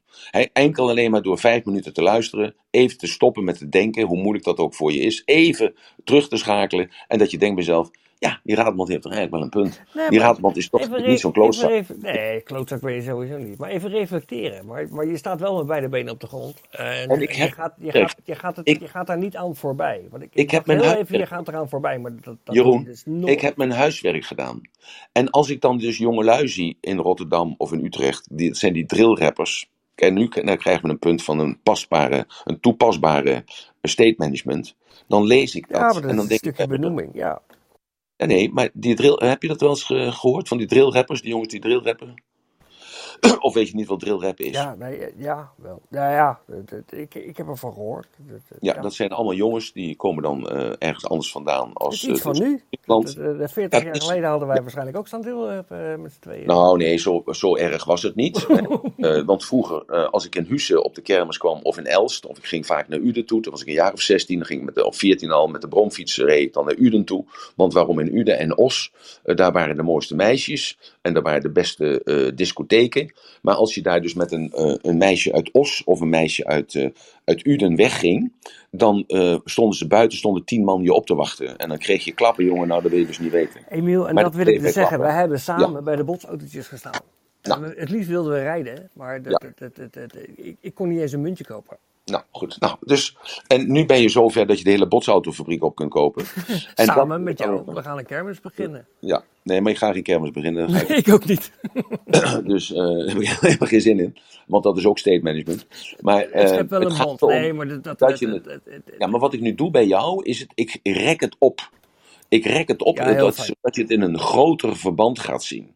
En dat grote verband, en kijk, daarom is bestendigheid is de illusie van elk tijdperk, omdat je blijft hangen in dat ene puntje van jezelf. En denkt dat het altijd zo blijft. Het blijft niet zo, want de enige constante die er is, dat is verandering. En daar moet je mee leren werken. Maar het heeft wel Dat pijn moet je- gedaan. Dat is jouw Die botsauto's. Ben jou toch ook... hoe, ben jij van die botsauto's af? Mag ik dat vragen? Even de botsauto's gekscherend als voorbeeld. Maar dat, dat, dat- ik, ik zie ons daar staan, zeg maar. Ja, maar heel veel mensen weten niet wat botsautootjes zijn. Dat zijn dus van die kleine autootjes. Daar moest je vroeger een dubbeltje in gooien. En dan kon je dus als eh, jarige van zes jaren zonder veiligheidsriem. kon je dan dus met volle vaart. dat was ongeveer een kilometer of tien. kon je dan op de andere botsen. Zonder je nou, ik ouders. had al heel. Ja, je ouders stonden aan de kant. Die stonden zich. eh, Nee, die waren thuis. We Nou, waren ja. daar alleen. En dat, dat Ja. maakt het zo gevoelig. Oké, goed. Nou, in ieder geval, maar toen bestonden er nog geen veiligheidsgordels, als je dat goed onthouden hebt. Ja. En de snelheid was iets hoger. En eh, de, dat wij nog leven, hè. is eigenlijk een wonder. Nou, dat is toch kletskoek gewoon. Maar luister, er is nog nooit iemand gestorven in een botsautootje. Daarom, maar een Dus, grapje. eh, ik heb al heel snel geleerd dat ik achterwaarts moet gaan, want dan het botsen, dat was dan minder hard als dat ik eh, vond. Zo, dat had ik al snel door. Heerlijk. Ik, Ja. Ja. Zo, dus dat is eventjes, eh, en als mijn zoon nu met de botsautootjes gaat, dan zeg ik, denk erom dat je achterwaarts gaat. Maar hij is heel eigenwijs, hij gaat er frontaal op en dan komt hij eruit met een blauwe plek, ondanks dat het een veiligheidsriem is. En dan zeg ik tegen hem, waarom luister je niet naar je vader? En dan zegt hij, pa, ik luister altijd naar jou, naar het clubhouse, en jij zegt altijd, je moet het eerst ervaren. Nou ja, goed, dan sta met Clubhouse hem, ook. Ja, ja, dan sta ik met hem mooie Zo. link naar de kermis. Nou, Ja. einde verhaal met jou, Jeroen. Dankjewel, eh, dus, Emiel. eh, ik, eh, ja, ik, ga af. naar beneden voegen. Ja, Dus en dat bedankt. Ja. Oké. eh, nou, dat is toch fantastisch. Het is ook state management. We zijn al een uur verder volgens mij. En ik ben nog eens tot de kern van de zaak gekomen. Want we doen allemaal een state management. Je gaat lekker naar de kapper toe of je gaat naar de pedicure toe. Je laat je lekker verwennen. Uh, uh, ja, bijvoorbeeld recreatief winkelen is ook zo'n kreet. we leven in een beleveniswereld, uh, belevenismaatschappij. We komen uit een kennis- en dienstenmaatschappij, we leven in een belevenismaatschappij. Waardoor, zodat we allerlei belevenissen krijgen als we als we buiten zijn, dan we gaan naar de bioscoop, we gaan naar het theater. Je moet je voorstellen, vroeger de opera of de operette, dat was gewoon ondenkbaar dat dat uh, gewoon door zoveel mensen bezocht werd. Nou, dankzij uh, Joop van den Ende is dat toegankelijk geworden voor ons allemaal. Die heeft daar hele grote zalen voor gebouwd, die heeft die prijs naar beneden gedaan, die heeft het gepopulariseerd. En nu kijken we er allemaal naar en gaan we allemaal naar een operette toe, of een musical toe, of een toneelstuk toe. En we kunnen ons allemaal laven aan de cultuur. musea zijn gratis geworden tot tot 18 jaar geloof ik met je OV-kaart kun je erin.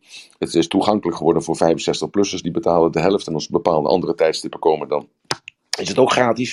Het is ook toegankelijk geworden. Dus de, de happy few is niet meer de happy few geworden, is de happy many geworden. En dat geeft gelijk aan dat ons bewustzijn ook verhoogd is. En dat we dus gevoeliger zijn voor bepaalde zaken. Uh, dus ik heb even een schets kunnen geven over de tijd. Dat we dus nu gelukkig in een gezegend tijdsperk leven van uh, bewustzijn. Dat we erover nadenken, dat we daar gevoelig voor zijn. En dat we moeten leren, en dat is de opgave, we moeten leren om onszelf ja, tot de orde te roepen. En dat experiment met uh, verdovende middelen, een experiment met uh, koffie of alcohol of overdadig veel eten, dat is al lang achter ons. Want je ziet dat de happy few, dat is ongeveer een kleine 10 tot 12 procent van de Nederlandse bevolking, zich afgewend heeft eh, van vlees bijvoorbeeld. Omdat men zegt van ja, maar luister, dat is eh, een heel, heel iets ergs. Die eh, beesten zijn ook door God geschapen. En waar staat dat? Dat we die op moeten eten. En kijk eens naar het vuil, de CO2 die ze uitstralen. Ja, dat is één kant van de discussie. De andere kant van de discussie is natuurlijk dat als Jan Timmer, een van de verlichte geesten van vandaag de dag uh, zegt: uh, maar luister, de driekwart van de boerenweiden moeten opgeslokt worden en daar moet uh, natuur voor worden. Of er moeten, dat moeten mooie natuurgebieden worden waar mensen kunnen wonen en kunnen wandelen en dat combineren met elkaar. En dan kunnen misschien ook kleinschalige fabrikanten nog komen, maar dat moet allemaal wel milieu effectief zijn of evenwichtig zijn. Ja, en dan tegelijkertijd andere mensen die zeggen: ja, maar wij zijn wel de tweede exporteur van groente en fruit van de wereld. Hè? We zijn de tweede exporteur, dus dat ongelooflijk met agrarische producten van de wereld. En we zijn maar 0,2% qua vloeroppervlak, hè? dus eh, qua oppervlak van de wereld aan Nederland. En wij zijn de tweede grootste exporteur van groente, fruit, vlees. Ja, wat betekent dat economisch? En daar heb je weer bestendigheid, is de illusie van elk tijdperk. Mensen denken dan, ach, er komt vanzelf wel een oplossing voor. Zo, zo, dus dan krijg je weer twee kampen, verdeel en heers. En wie moet dan die oplossing geven of noemen? Ja, dat kun je dus delegeren aan de EU. Dat is ver weg, dat is in Brussel. Of in Straatsburg, waar ze dan één keer in de maand uh, met elkaar vergaderen. Uh, of moet je dan Rutte ter verantwoording roepen, of je eigen politieke partij. Kijk naar het CDA, een partij die al 100 jaar bestaat. Ja, niet als CDA, maar wel eerst als de AR, antirevolutionaire, de KVP en de CHU, CH, de Christelijke Historische Unie, die bestaat nog steeds. Nee, maar in ieder geval twee of drie partijen. Uh, ja, de Bijbel is weg. Dus waarom is er dan nog een CDA, zou je bijna zeggen? Waarom zijn die er dan nog? Ook een discussie. Kun je ook uren over praten, je druk over maken of het gewoon naast je neerleggen. Ja, ze hebben het zelf opgeblazen, omdat ze niet met de tijd meegegaan zijn. Dus ja, is hartstikke moeilijk. Want wie doet het goed? Doet Baudet het goed? Die zegt van het is allemaal idioterie, die hele corona en dat hele milieu. Of doet uh, Rutte het goed? Ja, uh, wie zal het zeggen? Ik heb er geen mening over, zoek het maar uit. Ik heb al alles nodig om zelf overeind te blijven en mijn kinderen een bepaald voorbeeld te geven dat ze de verantwoordelijkheid zelf moeten doen. Ja, precies. Gaan... Dan uh, ons te guiden ja. ook hoe we dat voor onszelf ook kunnen doen. Hè? Ja, maar we staan wel op een kruispunt. Hè, dus dat patriarchaal, matriarchaal. Nou, we gaan naar een matriarchaal tijdperk toe. Dat zie je op de universiteit. Dat hebben mensen niet geforceerd. Dat is een natuurlijk verloop. want als je mensen onderdrukt, dat is dus de vrouwen zijn onderdrukt geweest. Die vrouwen hebben zich uiteindelijk hebben die kiesrecht verworven. Dat is pas uh, 100 jaar geleden. ja, dat was in 1909 geloof ik of zo, of 1907. Dus dat is 100 jaar geleden dat die kiesrecht hebben gekregen. Ik heb wel eens vaker verteld, als ik doseer op de universiteit, dan was het 20 jaar geleden waar 80% waren mannen en 20% waren vrouwen. En nu zijn 80% vrouwen en 20% mannen. En ik vraag me altijd, waar zijn de kerels nou eigenlijk gebleven? Nou, die zijn dan uh, naar Delft gegaan of zo. En als ik dan in Delft doseer, is, uh, is het dan 50-50. Maar aan de andere kant, ja, dus dat glazen plafond, dat, uh, dat is al lang weg. Dat heeft alleen bestaan in een paar mensen die wilden framen dus een bepaald kader willen zetten, zodat je dat gaat zien. En dan ga je dat ook zien. Als je dat gelooft, want het is er niet. Maar als je denkt dat het er is, dan is het er ook. En uh, dat materialen dat uh, gaat overwinnen. En ik zeg net, we zitten in die overgangsfase. Kijk naar Kaag, wat toch nog een halve kerel is. En kijk naar, uh, naar Merkel, wat nog helemaal een kerel is. Ik heb er nog nooit een rokje gezien, bij wijze van spreken. maar ook in haar daden zie je dat, dat ze meer mannelijk is dan vrouwelijk. En bij Kaag zie je dus ook die dualiteit. Dus de echte vrouwen moeten nog opstappen. Of op, ja, opstappen, moet niet weggaan, maar opstappen wil opstaan. zeggen. Uh, opstaan. Ja, opstaan. Ja, oké. Okay. Ja, heel goed voor jou. Dankjewel, Sas. Ja, dankjewel. En zo gaan we dus ook van het uh, collectivisme Hè, wat dus iets is wat uh, Karl Marx bedacht is, wat ook daar geprobeerd is, wat mislukt is. Uh, wat ook geprobeerd is hier door het socialisme, dat is uh, mislukt. je ziet dan toch dat het bedrijfsleven erachteraan loopt. Je ziet een centralisatie van bedrijven. Als je heel goed kijkt, dan zie je dus ook dat mensen steeds meer hun eigen droom najagen. En individuele kleine bedrijfjes beginnen. En die kleine bedrijfjes klein houden, bewust klein houden. Want hun papa heeft hun geleerd, uh, als je aan iemand een hekel hebt, dan wens je iemand heel veel personeel toe. Maar hij vergat daarbij te vertellen dat hij wel in dat grote huis en die dikke auto reed, dankzij het personeel wat voor hem werkte. En hij kon delegeren. En zo gaan we langzamerhand dus naar een uh, gebied toe waar het hart zal regeren en de regio zal, of de ratio zal achterblijven. Maar ja, je moet je wel blijven beseffen, we bestaan aan 0,2% van het aardoppervlak. Dus we zijn maar een heel klein landje. Ondanks dat we groot zijn met voetballen, ondanks dat we groot zijn met export, ondanks dat we groot zijn met zaken doen, ondanks dat we groot zijn met uitvinden, patenten enzovoort enzovoort, leven wij nog steeds in een fantastisch land. En ik begrijp heel goed dat heel veel mensen met een iets oudere instelling bang zijn dat hun verworven rechten, waar ze ingegroeid zijn, en te danken hebben ook aan een aantal polarisatie en dualiteiten die er plaatsgevonden hebben in de oude jaren, hè, praat ik over uh, vijf jaar en ouder, dat die daardoor juist die verworvenheden allemaal zijn gegroeid. En dat jij daarmee opgegroeid bent en jij dat hebt aangenomen als zijnde normaal. Dus verandering is een constante, maar wij hebben de keuze nu als individu, omdat wij nu de macht hebben als volk, hebben wij echt de macht. Want wij kunnen de publieke opinie keren ten gunste of ten ongunst of ten negatieve naar het collectieve of het individu. Je ziet de beweging naar het individu, zie je. Naar het hart of de ratio. Je ziet dat de ratio is eigenlijk het patriarchale, het mannelijke. Je ziet dat we gaan naar het hart. Want de meeste mensen maken zich druk om hoe wil ik eigenlijk zijn? Wie wil ik eigenlijk zijn? En hoe wil ik eigenlijk herdacht worden? Wat is mijn legacy als ik er niet meer ben? En daarom wil ik de wereld verbeteren. En dit soort mensen komen er steeds meer. Maar er is niks nieuws, want de provo's hadden precies datzelfde gevoel. En daarom is dat manage, state management, geen stage management, maar state management, is zo belangrijk. Want we gaan daar naartoe. Jij kunt de wereld niet veranderen. Je kunt alleen jezelf veranderen. En als jij jezelf kunt veranderen, kun jij een voorbeeld zijn voor anderen. En kunnen anderen in jouw licht schijnen. En zo schijnt het licht dan verder. Want een van de beroemde kreten wat ik zo mooi vond en eigenlijk nooit begrepen heb totdat iemand me dat uitgelegd had, dat is van Johannes. Johannes 1, vers 2 zegt Johannes, het licht schijnt in de duisternis, maar de duisternis heeft het niet begrepen. Als je daarover nadenkt, over dit, dat woord, en ook gaat begrijpen dat Johannes de Doper de vader is, dus de schutspatroon is van de druzen, en ik heb jullie al eens een keer eerder uitgelegd, de Druzen is de laatste godsdienst. Deze laatste godsdienst is afgetreden van de, afgescheiden van de islam. En zij hebben als schutspatroon dus Johannes de Doper, die dus Jezus doopte. En zo zie je dus dat dus in die islam een hele grote beweging is die richting naar dat christendom gaat. En dan overdrachtelijk betekent dat dat dus er een hele grote beweging in het oosten is die luistert naar het Westen en zich laat leiden door westerse waarden. Dat is, wil ik toch nog even gezegd hebben.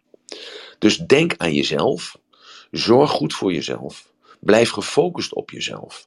En die kleine dingen, hè, om je te laten verwennen bij de schoonheidsspecialisten. of die mooie foto die we allemaal gezien hebben. De mensen die vorige week, eh, vorige week om deze tijd in Huis te Duin waren. Jullie hebben allemaal die foto gekregen van die mevrouw die door Robert Schumacher een prikje heeft gekregen. Hoe mooi die mevrouw geworden is. Hè? Vind je niet, Sas? Ja, amazing.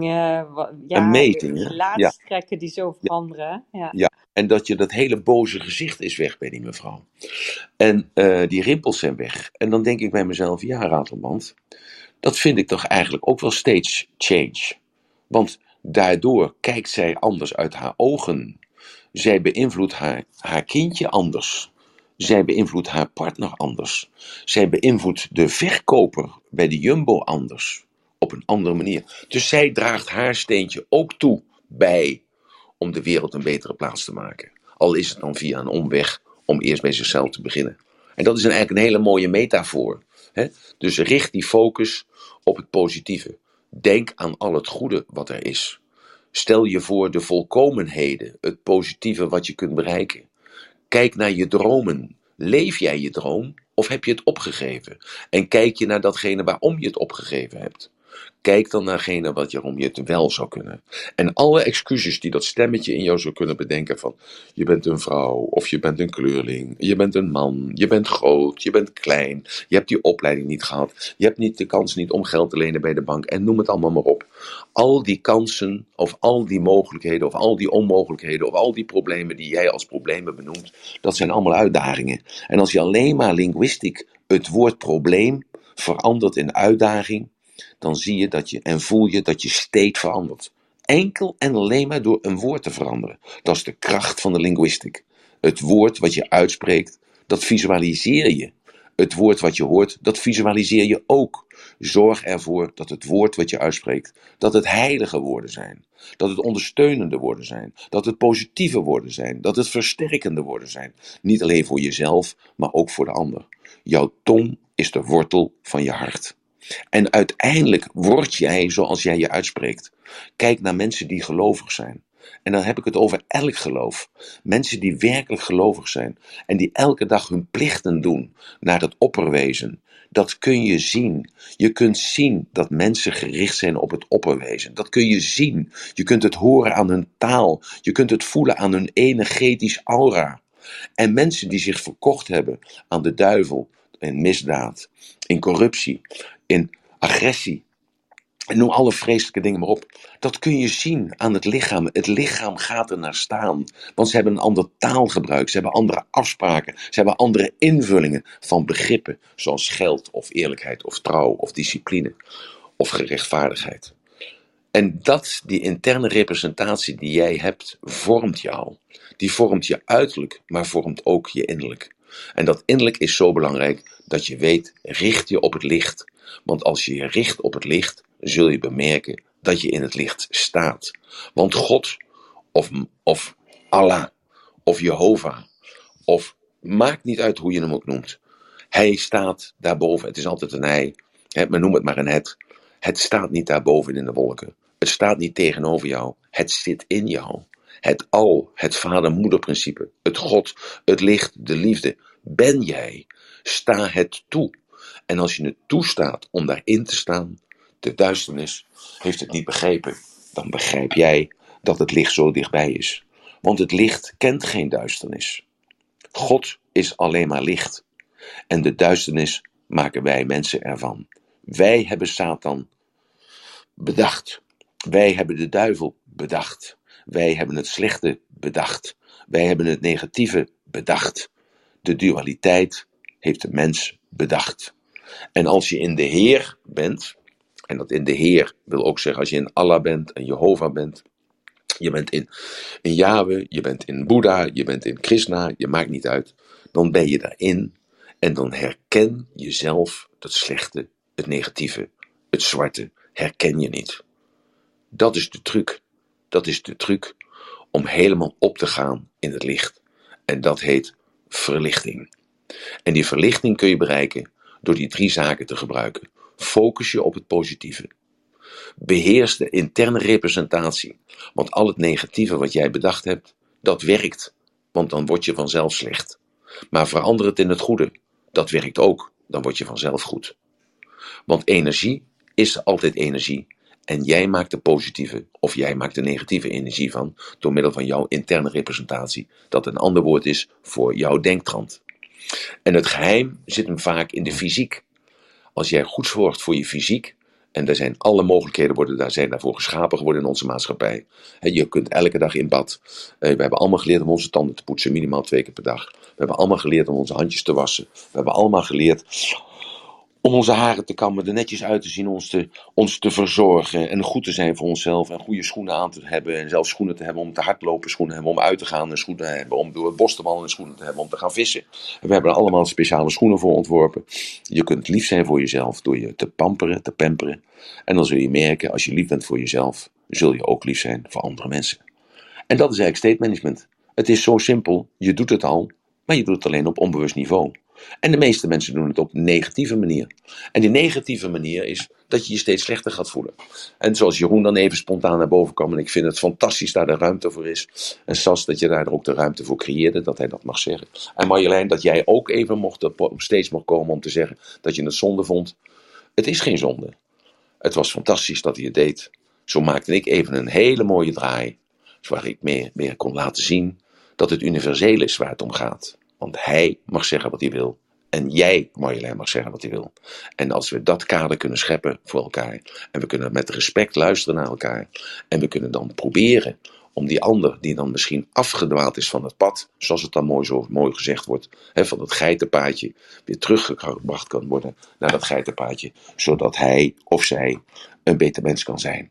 Of kan worden. Emiel, ik heb iets voor je opgeschreven als cadeautje aan jou vandaag. Dankjewel. Het het geheim van succes is te leren hoe je pijn en plezier kunt gebruiken, in plaats van pijn en plezier jou te laten gebruiken. Als nou ja, dat, dat doet, beheers je je leven, zo niet, dan beheerst het leven jou. Ja, nou ja, dus ik heb er een korte versie van gemaakt. Ik heb net een Duits boek geschreven en daar staat in dat uh, geluk is de manier zoals je met ongeluk omgaat. Dat is een one-liner, dat is hetzelfde wat jij zegt. Prachtig. Absoluut. Ja, ja. geluk heel herkenbaar. Is hoe je, met, hoe je met ongeluk omgaat. Nou, en dat is je interne representatie. En dat is een keuze. En die keuze hebben wij nu pas dus daarom heb ik gezegd in 1989, dus 30 jaar, 30 jaar geleden, schreef ik dat boek. Er was geen zelfhulpboek. Het bestond gewoon niet. bestond gewoon niet. En nu kom je in de bibliotheek en, of in de boekenwinkel aan duizenden boeken. En je weet niet welk boek je moet nemen, dus je neemt er maar niet één.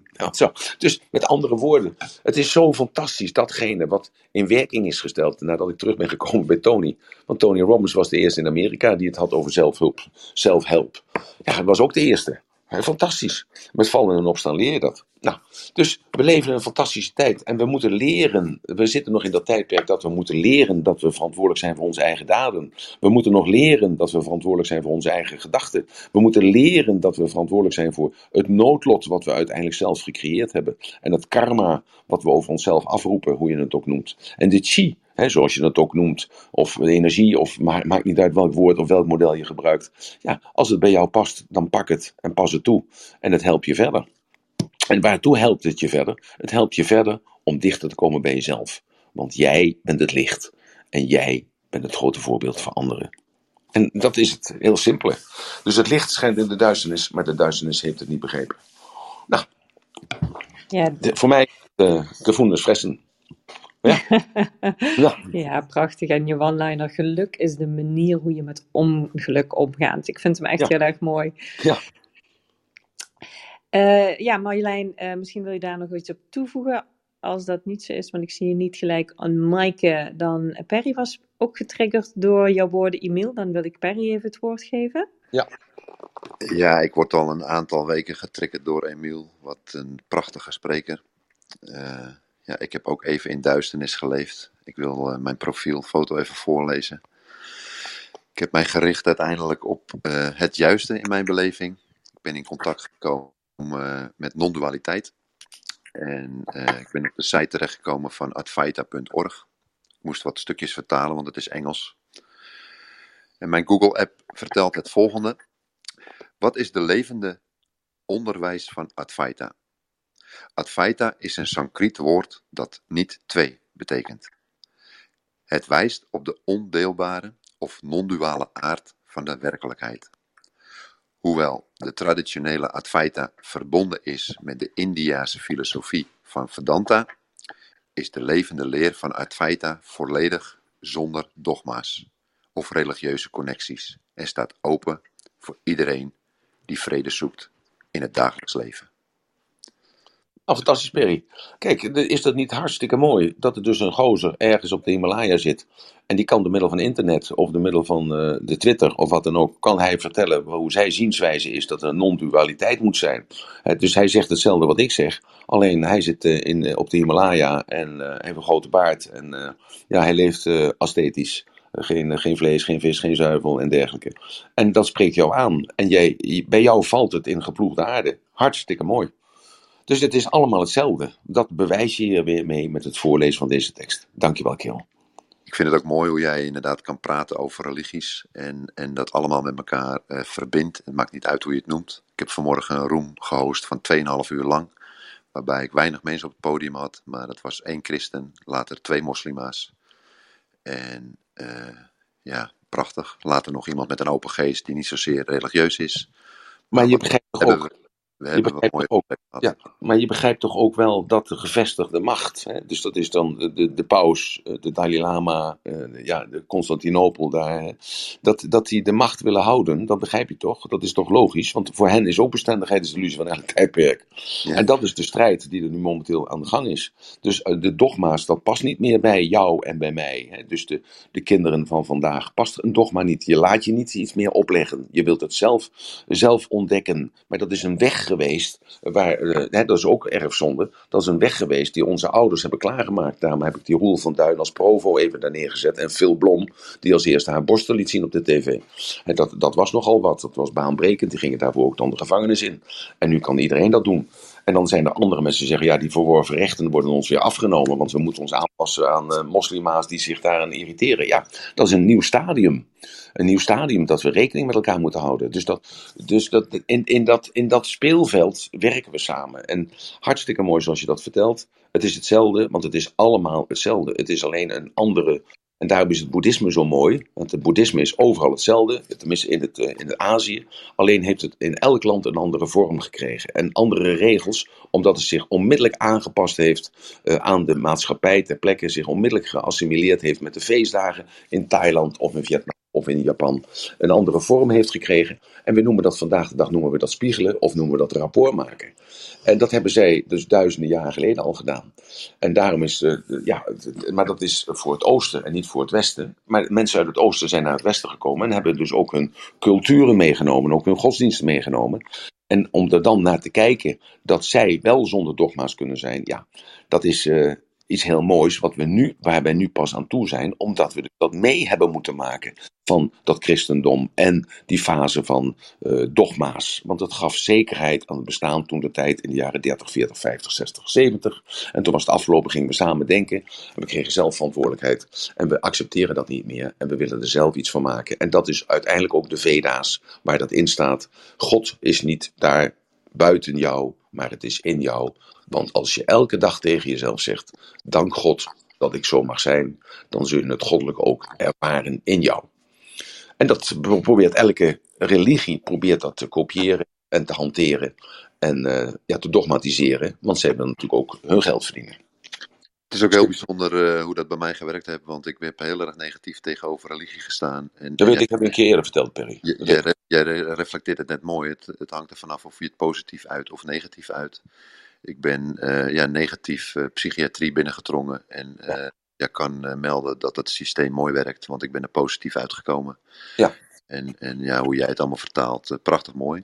En voor de mensen die ermee in aanraking wil komen, dat dan non-dualistische, zou ik graag Patrick Kikke en Paul Smit noemen die hebben mij wel heel erg geholpen om dat op een humoristische manier een beetje te laten landen in mij. Ik weet niet of jij Emiel uh, Joop Korthuis ook kent. De naam heb ik wel eens gehoord vallen, ja, maar ik uh, is nee, verantwoordelijk voor de PMA-methode. En dat staat heel nauw in verband volgens mij met NLP. Het is een hele simpele vragentechniek die je op mensen kan projecteren waarbij mensen hun eigen antwoorden gaan vinden van waar dat rottige gevoel nou vandaan komt. In ja, de PMA-techniek is afgeleid uh, van uh, Bates, van, uh, hoe heet ja, van Beets, ik ben de naam even kwijt. maar dat is een vrouw, daar heb ik een seminars mee gedaan in de jaren tachtig in Amerika. en die heeft die vragen ontwikkeld. Er zijn maar drie vragen die je moet stellen, dan kun je door. En daar zijn natuurlijk heel veel mensen die maken dan een, eigen verhaal van. Maar dat uh, Jane Bates, dus, ik ben de naam kwijt, Bates, B-A-Y-T-E-S. Ik ben de, naam, de voornaam even kwijt. Daar heb ik heel veel mee gewerkt. En dus dat is ook een manier van focus veranderen. Het zijn de, de, vragen die je zelf stelt. Maar dat is alweer achterhaald, hè? dus dat, uh, dat, dat systeem wat je zegt. Ja. Het komt neer inderdaad op dat spiegelen van mensen hun, uh, hun uh, ervaringen en rottige gevoelens. Ja. En maar we zijn alweer verder. Maar we zijn alweer... mensen geen woorden in de mond te leggen en ze komen vanzelf achter hun antwoorden die ze nodig hebben. Ja, ja maar, maar dat is ook zo. ja, dat is ook zo. Maar we, zijn, we hebben alweer andere technieken, want het gaat zo snel allemaal. En dat is ook mooi, want juist daardoor komt er meer keuze. En uh, zijn er meer mensen worden aangeraakt, omdat elk mens is natuurlijk anders dan de ander. Oké, okay, dank je Perry dat je er was. Ja, en uh, ik uh, zie dat we weinig andere vragen hebben van mensen die nog op het podium willen. En het is natuurlijk de zondag. We zijn een uur en twintig minuten onderweg. Dus misschien is het wel een mooi moment dat we langzamerhand richting het ratelbandje gaan. Vooraf wil ik nog even benadrukken dat uh, alle sessies uh, in het vervolg opgenomen worden. We zijn er elke dag om negen uur, of althans we, Emiel, hè, met zijn uh, sidekicks, om het zo maar te zeggen. Ja, maar mag ik even zeggen dat, dat ik daar heel dankbaar voor ben dat jullie dat opgepakt hebben. Hè? Dat er dus elf dames uh, ja, negen dames en twee heren zijn die uh, me zullen begeleiden en zorgen ervoor dat het speelveld veilig is. En ik, ik vind het ook heel fijn dat het zo gaat. Ik heb gisteren met Sas nog even geluncht. Nou ja, even geluncht. Dat was bijna het avondeten. ja, ik wil even terug, Sas. ik, ik stuurde een appje. Want dat is echt zo. ik kreeg een belletje van een van de persagentschappen. Er was een foto gemaakt van jou en mij. En de vraag was uh, of ik met deze charmante dame een, een relatie had. Ja, dus, dat klopt. klopt ja. relatie. ja, nee, maar ja, morgen worden de bladen gedrukt. En anders had je, ja, anders had je op de voorpagina van de, een van die bladen gestaan. Dus uh, ik heb dat ontkend. In de vorm althans de relatie wat zij dachten. Want, uh, ja, precies. Dus ja. Je bent weer door het oog van de naad gekomen. Hè? Nou, gelukkig bedankt. ja, ja, ja. Dus dat maakt het ook anders. dat is goed. Nou, ehm, ja, ik ga vandaag nog leuke dingen doen. Ik ga zo direct nog even de hond uitlaten. Want die zitten me aan te kijken zo van... Hé, hey, ouwe, gebeurt er nog wat? Ik ga even ik ga, even, uh, ik ga mijn hond even uitlaten. En zit me aan te kijken van gebeurt er nog wat. En ik ga daarna ga ik even lekker met mijn kinderen naar... Uh, uh, God, hoe heet dat dorp nou? Ik zeg altijd uh, Toverdorp, Toverland. Toverland. Toverland, ja. Toverland. Even heerlijk genieten met de kindjes. En uh, daarvan, dat is ook state management. Eventjes even lekker niks doen of weinig doen. Nou, ik zou even Hans willen zeggen, die helemaal op Kreta zit. Of Rodos of Kos, ik weet niet waar je zit Hans. Maar ik zie jou in één keer, die foto van je. En ik zag dat je lekker verwend werd door Jacqueline. Nou, hartstikke leuk om dat te zien en dat ik op de hoogte gehouden word. geniet jij nou maar van, van je vrije tijd, Hans. Wij zullen het hier wel klaren zonder jou.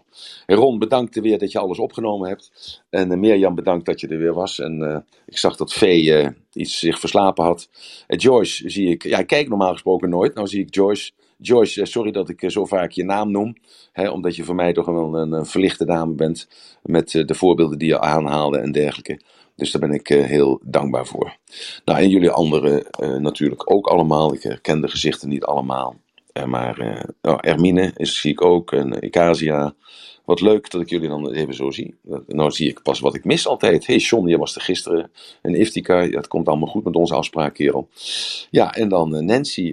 nee, die, die heb ik nog niet gezien. Sabrina ook niet. Hoor. Ja, leuk, leuk, leuk, leuk. en dan onder, hoe spreek ik jouw naam uit? Die helemaal onder staat naast Patrick. Sis, System, het is een Turkse naam is dat. Hoe, hoe spreek ik dat uit? Wil je even naar voren toe komen? Dat, dat ik je dan, uh, en als je dat niet wil, is ook goed. Uh, Zidane, denk ik misschien, ik weet hoe, het niet. Hoe spreek je dat uit? Want ik wil graag altijd iedereen aanspreken op de naam. Nou, wil okay. je, ja, ik wil je wel even naar boven halen als je daar zin in hebt. Ik ja, goed. Maar ik kan me voorstellen dat als ze dat niet wil, is het ook goed.